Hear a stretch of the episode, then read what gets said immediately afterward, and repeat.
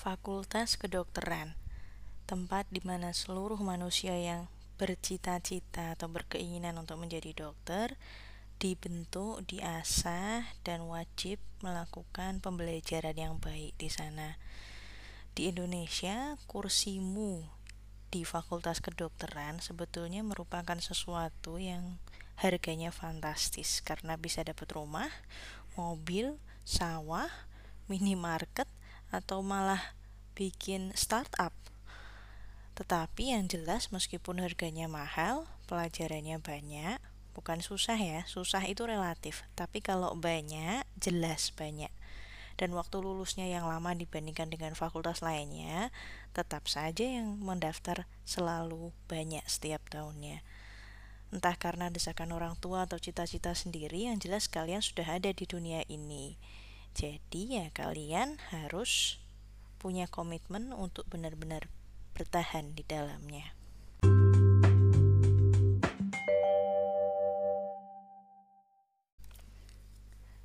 Kegiatan di FK di mana pun di Indonesia, walaupun itu negeri atau swasta, rata-rata hampir sama. Lebih banyak yang menggunakan sistem yang baru, yaitu berupa sistem blok atau problem based learning, dibandingkan sistem yang lama. Di sistem yang blok ini, kalian dituntut menjadi dokter yang dalam tanda kutip instan, karena dalam tiga setengah tahun sudah boleh berada di kepanitraan klinik atau koas, alias kalian boleh bertemu pasien secara langsung dalam pengawasan dosen kalian di rumah sakit. Jadi sebetulnya ada sangat banyak pemadatan yang terjadi di Fakultas Kedokteran. Hal-hal yang biasanya dipelajari sampai bertahun-tahun, sekarang cukup diberi waktu sekitar beberapa minggu saja. Jadi biasanya kegiatannya ada kuliah pakar, tutorial atau group discussion, skill lab atau lab skill, praktikum di laboratorium, kemudian ada oh, ujiannya berupa ujian knowledge atau ujian praktek. Jadi apa pun kegiatan sebetulnya ya adalah kegiatan yang penting karena tidak bisa kalian tinggalkan dengan harapan kalian bisa karena nggak ada waktu lagi. Ketika kalian bertemu satu mata kuliah atau satu pelajaran pada fase preklinik ya sudah hanya saat itu kesempatan kalian untuk belajar saat kalian bertemu lagi dengan hal tersebut biasanya sudah dalam prakteknya langsung di depan pasien jadi alangkah baiknya ketika kalian benar-benar menguasai hal hal basic atau hal yang dasar itu dari awal. Jadi kalau kuliah pakar tadi biasanya dia dilakukan dengan tatap muka antar dosen dan mahasiswa. Dulu ketika belum ada sistem PBL, kuliah ini menjadi satu-satunya akses ilmu dari dosen ke mahasiswa. Tetapi di era sekarang, kuliah tidak menjadi satu-satunya akses karena kalian diharapkan sudah punya dasar dan pembahasan tersendiri terhadap topik terkait.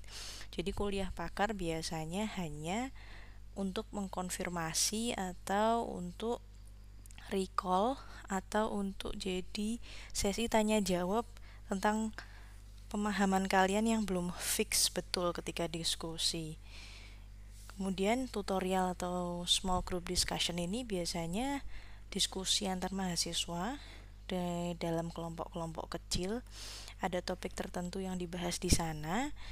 Ada dosen atau tutor yang berperan untuk menengahi kalian, tapi sebetulnya pembelajarannya ya dari kalian sendiri. Jadi ketika kalian tidak benar-benar mempersiapkannya, maka ya tidak ada isi diskusi yang berbobot yang bisa dibawa pulang. Jadi ini adalah kerja teamwork atau kerja tim yang uh, menuntut kalian saling mengisi satu sama lainnya di antara mahasiswa. Kemudian ada kegiatan skill lab. Skill lab itu kegiatan di mana kalian akan belajar tentang skill yang diperlukan di keseharian praktek atau pekerjaan dokter di dunia klinis. Kemudian ada praktikum. praktikum itu biasanya dilakukan di laboratorium seperti yang kalian tahu di praktikum SMA atau SMP sebelumnya tetapi pada kali ini praktikumnya terkait hal-hal yang berhubungan dengan kedokteran jadi nanti ada prakteknya langsung ada kuliahnya sekilas mungkin kemudian ada laporannya yang harus dibuat Intinya apa pun kegiatannya, kamu akan selalu dituntut untuk tidak datang terlambat. Karena ketika kalian sudah datang terlambat itu akan membuyarkan semuanya. Persiapan yang sudah kalian lakukan akan hilang. Kemudian kalian dituntut menyiapkan materi sebelum setiap kegiatan tersebut berlangsung.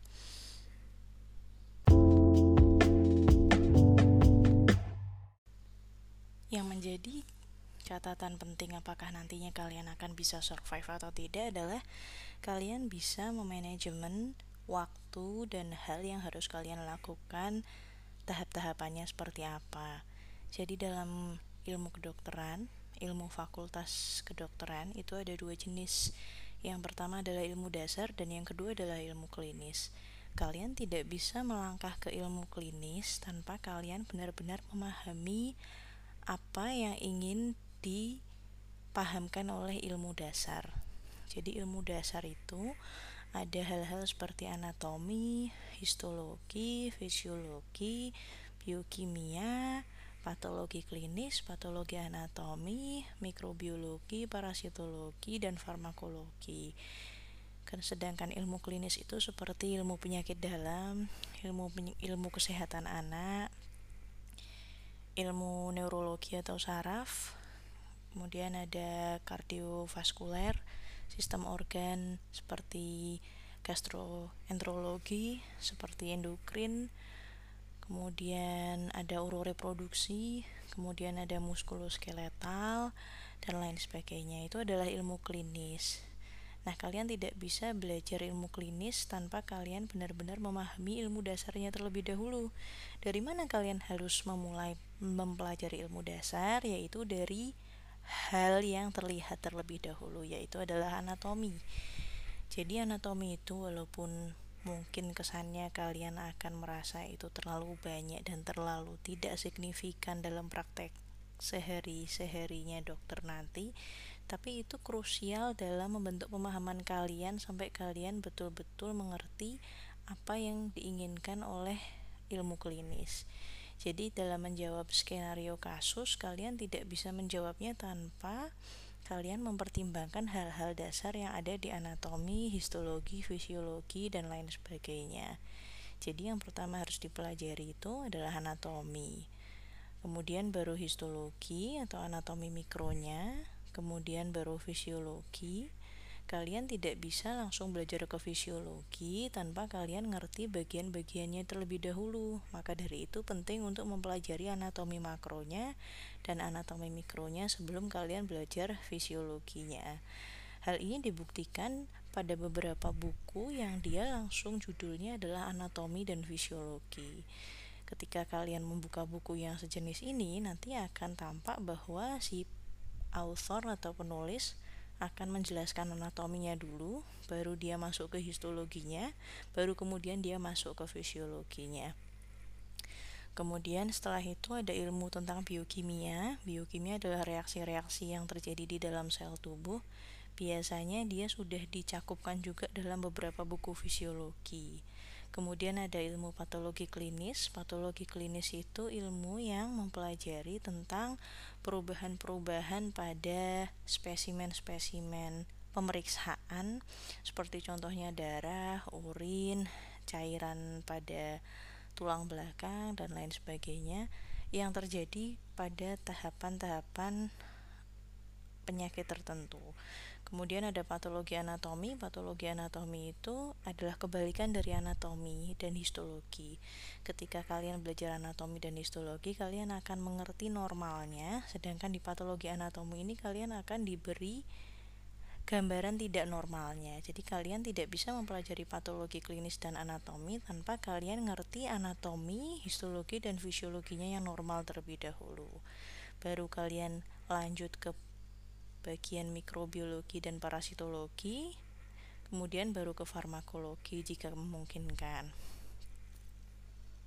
Kemudian yang yang tentang ilmu klinis yang bisa kalian lakukan pertama adalah memastikan kalian masih punya pemahaman yang kuat terhadap ilmu dasarnya.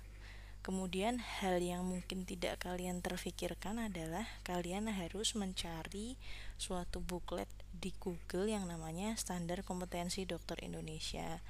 Standar Kompetensi Dokter Umum Indonesia ini banyak yang diuploadnya adalah versi tahun 2012 meskipun sebetulnya dia sudah ada yang versi terbaru yaitu 2018 dalam standar kompetensi dokter umum ini ada beberapa bagian-bagian yang mencantumkan standar dari dokter.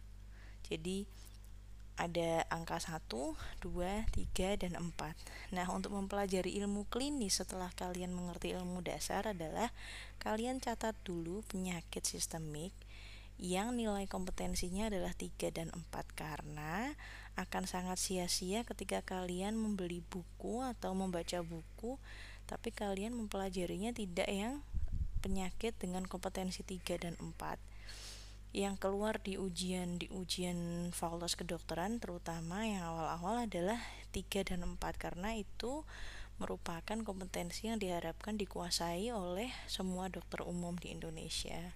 Kemudian setelah kalian list penyakit yang ada kompetensi 3 dan 4-nya baru kalian buka buku penyakit dalam, buku buka buku penyakit sistem organ yang berkaitan. Mungkin kalau mata ya kalian buka buku oftalmologi kalau buku saraf kalian buka buku neurologi baru kalian catat hal-hal yang sesuai dengan standar kompetensi 3 dan 4 yang baru kalian cari tadi.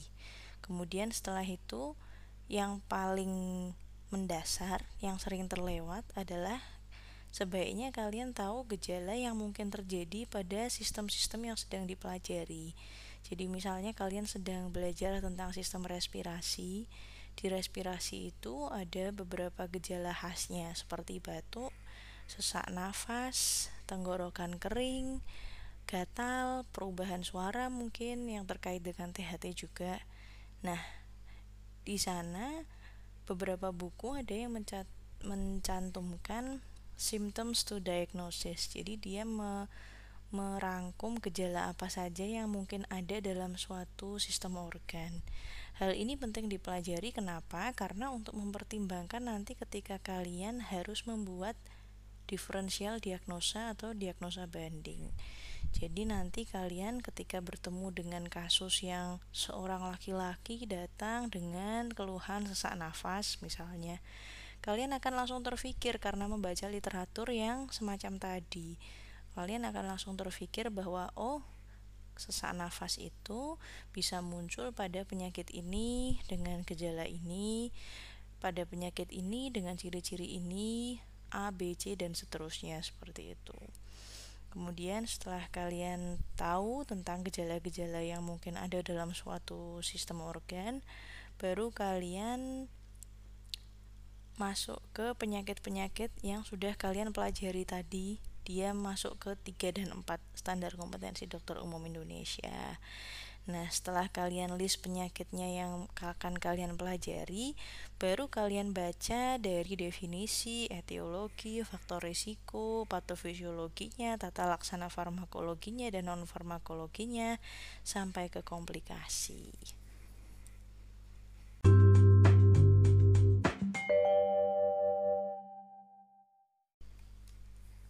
Nah, sekarang yang menjadi pertanyaan, dari mana kalian bisa dapat bahan belajar? Di era digital yang seperti sekarang, tentu tidak sulit bagi kalian yang generasi milenial, generasi Y atau bahkan Z, mencari referensi-referensi yang bisa menunjang pembelajaran kalian. Jadi, tidak hanya textbook atau hardbook, tapi kalian punya banyak akses untuk di internet menemukan hal-hal yang bagus dan bisa menunjang ilmu yang sedang kalian pelajari. Tetapi yang perlu diingat adalah textbook atau hardbook itu tidak bisa sepenuhnya ditinggalkan karena bagaimanapun ia adalah pedoman dasar para dokter di dunia ini untuk melangkah ke tahap selanjutnya. Jadi meskipun penemu situs-situs referensi kesehatan masa kini pun mereka tidak bisa menjadi saat sekarang tanpa mereka mempelajari textbook-textbook yang menurut kalian sangat-sangat besar dan sangat-sangat tebal seperti itu.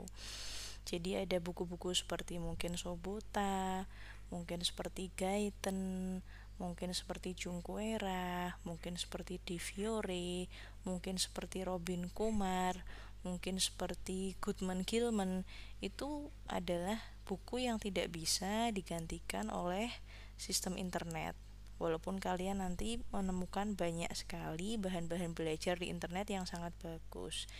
Jadi saran saya adalah kalian tetap belajar merujuk yang dasar adalah dari textbook tersebut. Apakah kalian harus beli textbooknya? Tentu saja tidak. Ada banyak di perpustakaan. Kalau kalian nggak mampu ke perpus, minta soft filenya atau akses ke repository e-booknya. Kalau kalian nggak bisa lagi, di internet juga banyak tentang situs-situs yang menyediakan banyak e-book. Jadi tidak ada alasan bagi kalian untuk menyebutkan bahwa kalian tidak punya buku yang dibutuhkan untuk mempelajari sistem-sistem tertentu.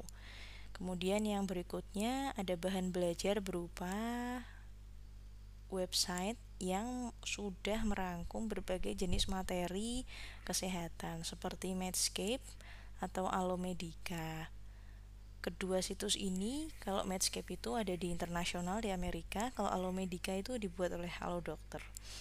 Jadi kalau kalian login atau sign up di Medscape biasanya akan ditanya tentang pekerjaan kalian apa kalau kalian bilang tentang kalian fakultas mahasiswa fakultas kedokteran nantinya akan ditanyakan di negara mana kalian belajar dan di universitas mana kalian menempuh studinya dan biasanya ketika mereka telah memverifikasinya kalian akan langsung dapat akses ke puluhan ribu artikel penyakit pedoman dan segala macam referensi yang dibutuhkan untuk pembelajaran ilmu sehari-harinya. Jadi jangan sampai terlewatkan dua aplikasi itu yaitu Medscape, Alomedica dan mungkin nanti ada banyak hal lainnya.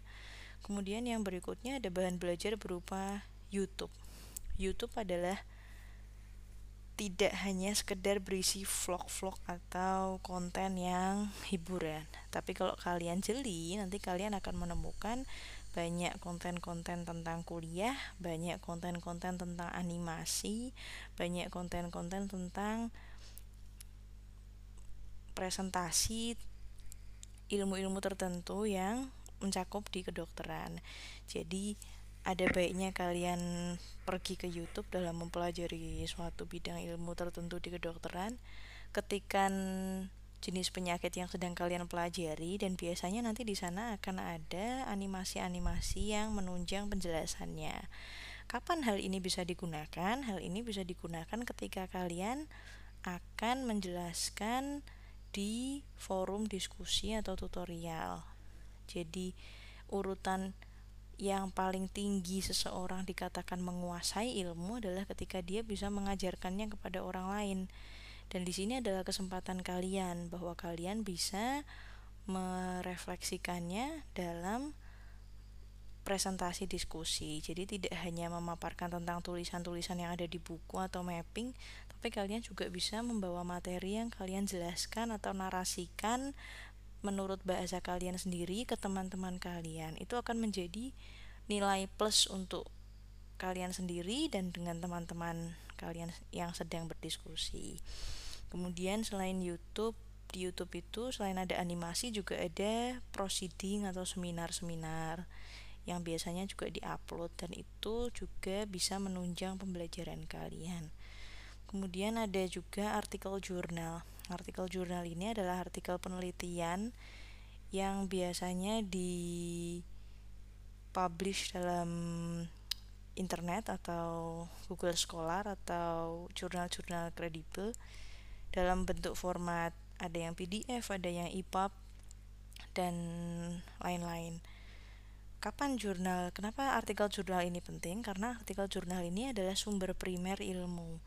Jadi Kenapa dia dikatakan sumber primer? Karena dia merupakan hasil telaah atau kajian sistematik suatu keilmuan yang dibuktikan dengan penelitian tertentu.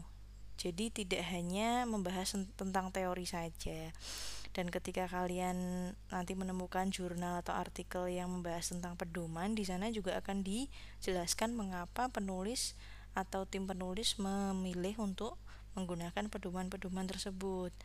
Nah, artikel jurnal ini merupakan artikel yang akan menunjang keseharian dokter dalam berpraktek atau berhubungan dengan pasien.